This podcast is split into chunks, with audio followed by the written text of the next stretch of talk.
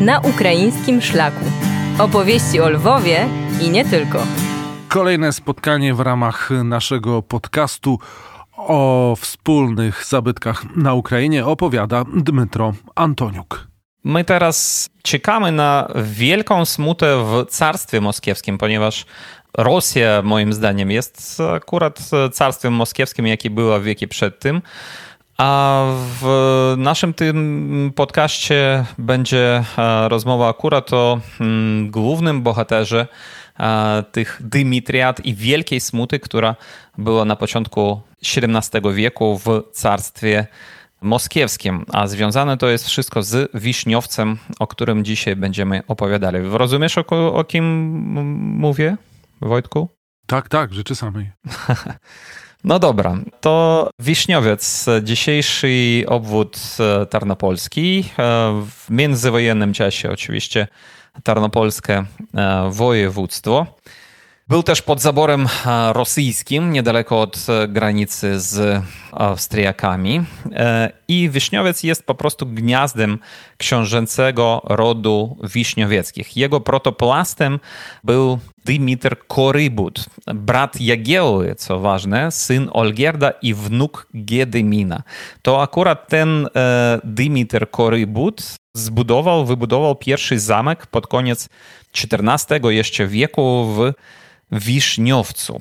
Ten zamek był stopniowo rozbudowywany przez wieki i dotarł do naszego czasu, co, co jest najważniejsze. E, jest dzisiaj mm, w kształcie pięknego e, pałacu w stylu e, rokoko i Wygląda po prostu przepięknie i teraz mieści się w nim Państwowy Rezerwat Historyczny. E, warto też wspomnieć o tym, że pod Wiśniowcem w 1512 roku w bitwie pod tym miasteczkiem odniosł zwycięstwo hetman Konstanty Ostrowski i e, razem z Mikołajem Kamienieckim pokonali oni Tatarzy. E, wtedy 5 tysięcy Tatarzy zostało zabitych i 10 tysięcy koni oni od nich zabrali. Uwolnili też 16 tysięcy ludzi, jak o tym wspomina Grzegorz Ronkowski. No ale e, oczywiście, skoro e, my mówimy o Wiśniowieckich, trzeba wspomnieć o być może o założycielu Sici Zaporowskiej, a mianowicie o kim, Wojtku? O Dymitrze Korybut Wiśniowieckim. Tak, i w pierwszej połowie XVI wieku akurat ten książę być może był jednym z pierwszych, kto założył e, sieć zaporożską e, akurat na e, jednej z wysp, która znajduje się teraz w granicach miasta Zaporoże. I ta wyspa nazywa się Wyspa Bajdy. Jest niewielka i to nie jest Hortyca, co ważne, ale tam, jak donoszą archeolodzy, są pozostałości fortyfikacji, które wystawione zostały przez Dymitra Wiśniowieckiego. No a jeszcze jeden bardzo znany e, Wiśniowiecki oczywiście to jest Jeremi Wiśniowiecki. A ci ty wiesz, Wojtku, gdzie on jest pochowany? Jeremi Wiśniowiecki, nie mam pojęcia. Sienkiewicz o. nic nie pisał na ten temat. A ja akurat byłem jego też e, w pochowaniu. To jest e, pod Kielcami w Świętokrzyskim. Tam na górze stoi benedyktyński klasztor i teraz on jest tam pochowany. Być, ale mówią, że to w ogóle nie jest Jeremi Wiśniowiecki. Ale e, mniej z tym wracamy do Wiśniowca. E, Jeremi Wiśniowiecki był pierwszym z swego rodu, który przyszedł z prawosławia na e, katolicyzm i on w 1645 roku ufundował w Wiśniowcu kościół i klasztor karmelitów. Tylko nie udało się jego wybudować wobec e, wojny z kozakami. I dopiero aż na początku XVIII wieku ten e, kościół i klasztor e, zostały już ukończone, a to zrobił już ostatni z rodu Wiśniowieckich, a mianowicie był to Michał Serwacy Wiśniowiecki, wojewoda wileński i hetman wielki litewski. Kiedy on zmarł w 1744 roku, jego pogrzeb w tym kościele był po prostu jednym z najwspanialszych w tamtejszych czasach. Wspominają, że postawiono było 27 nowych ołtarzy w tym kościele. Nabożeństwo odprawiało 40 księży. I w uroczystościach które, e, trwających cztery dni, jak pisze Grzegorz Ronkowski, oprócz tłumu szlachty wzięło udział wielu najwyższych dostojników świeckich i kościelnych. No i e, akurat e, Michał Serwacej Wiśniewiecki był pogrzebiony tam, a nad jego, nad jego grobem strzaskano herby Wiśniewieckich na znak, że ród przestał istnieć.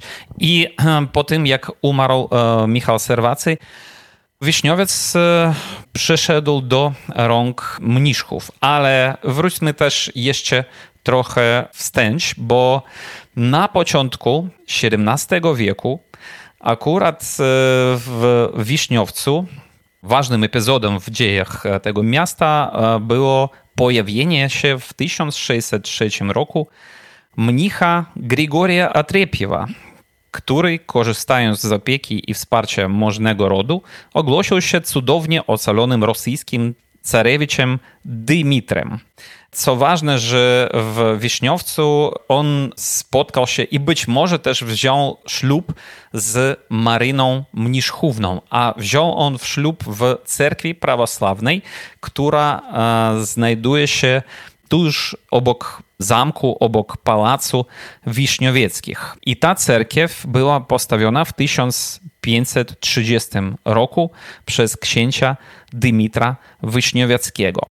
Obok tej cerkwi też byli pochowani rodzice Jeremiego e, Wiśniowieckiego, którzy e, całe swoje życie byli oczywiście prawosławnymi. Wracając do pałacu, pałac przebywał w rękach e, mniszków e, do 1852 roku. Tuż przed sprzedażą tego pałacu e, w nim bywał pisarz Honoriusz Balzak wraz ze swoją żoną Eweliną Hańską, bo jej córka Anna Hańska wyszła za mąż za Jerzego Mniszcha. I e, wtedy jeszcze w pałacu była e, całkowita świętność. E, pałac miał niesamowitą kolekcję różnych obrazów, dużo książek, dużo archiwów wiśniowieckich i mniszków. To wszystko przybywało w tym pałacu, ale Mniszych sprzedał ten pałac w ręki rosyjskie i dalej kolej właścicieli tego pałacu aż do I wojny światowej. Ten pałac już był rozgrabiony, można tak powiedzieć, że stamtąd wszystko było wysprzedawane wszędzie, mianowicie i głównie do Rosji. Jedynym właścicielem tego pałacu, który starał się w jakiś sposób dbać o tą schedę był rosyjski generał Paweł Demidow, który zwłoki e, z splądrowanego pokarmelitańskiego klasztora zwłoki mniszków i Michała Serwacego e, Wiśniowieckiego zabrał z krypt i e, zrobił nowy pochówek na cmentarzu katolickim w Wiśniowcu. I ten pochówek można dzisiaj zobaczyć i to jest ciekawe. Mm, jednym z ostatnich e, właścicieli e, tego pałacu był Zygmunt Grocholski, e, który odstąpił zdewastowanej i pozbawionej ruchomości zamek lokalnej instytucji samorządowej, Sejmikowi Krzemienieckiemu. Dalej w międzywojennym czasie tam mieściła się szkoła, a po wojnie różne też instytucje. Niestety zamek i zamek i klasztor pozostałości kościoła ulegli strasznej dewastacji w 1944 roku. I po tym leżały długo w gruzach, ale zostały odbudowane i w latach 50. XX stulecia. Zamek, wewnętrzna jego część została całkowicie zmieniona i to pozbawiło ten gmach, ten zabytek wszystkiego, co jeszcze było kiedyś w tym zamku. Więc pozostała tylko klatka schodowa być może i no, jakieś nikle pozostałości sztukaterii w niektórych pokojach. Ale teraz w tym pałacu, jak już mówiłam, mieści się Państwowy Rezerwat Historyczny i kilka lat temu on wygrał grant od Stanów Zjednoczonych na to, żeby zrekonstruować, odbudować, odrodzić salę lustrzaną w pałacu. I teraz ona jest już gotowa. I w ogóle w pałacu urządzono nareszcie e, pokoje, w których pokazano stare meble, pokazano też kopie tych obrazów, które mieścili się kiedyś w tym pałacu, w tym też kopie obrazów e, pokazujących Dymitriady i dzieje Dymitra samozwańca wraz z Maryną Mniszchówną w Moskwie. Także zapraszam serdecznie do Wiśniowca.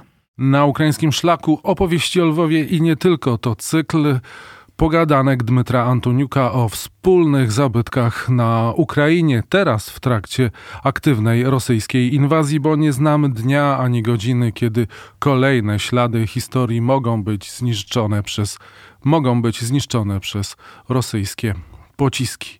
Opowiadał Dmytro Antoniuk, a ja nazywam się Wojciech Jankowski.